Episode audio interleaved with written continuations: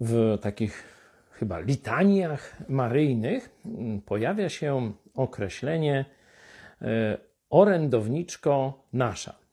Orędować to znaczy wstawiać się za kogoś. Nie? W ten sposób katolikom przedstawiana jest tak zwana Maryja, która rzekomo oręduje, czyli wstawia się za nami. Zobaczcie, jak ta prawda, czy jak to twierdzenie wytrzymuje próbę zderzenia z brutalną rzeczywistością. Oto list do Hebrajczyków, na przykład, bo w innych miejscach też można to znaleźć, dziewiąty rozdział, dwudziesty czwarty werset. Albowiem Chrystus nie wszedł do świątyni rękami zbudowanej, która jest odbiciem prawdziwej, ale do samego nieba. Chrystus wszedł już do samego nieba. Zobaczcie po co. Aby się wstawiać teraz za nami przed obliczem Boga.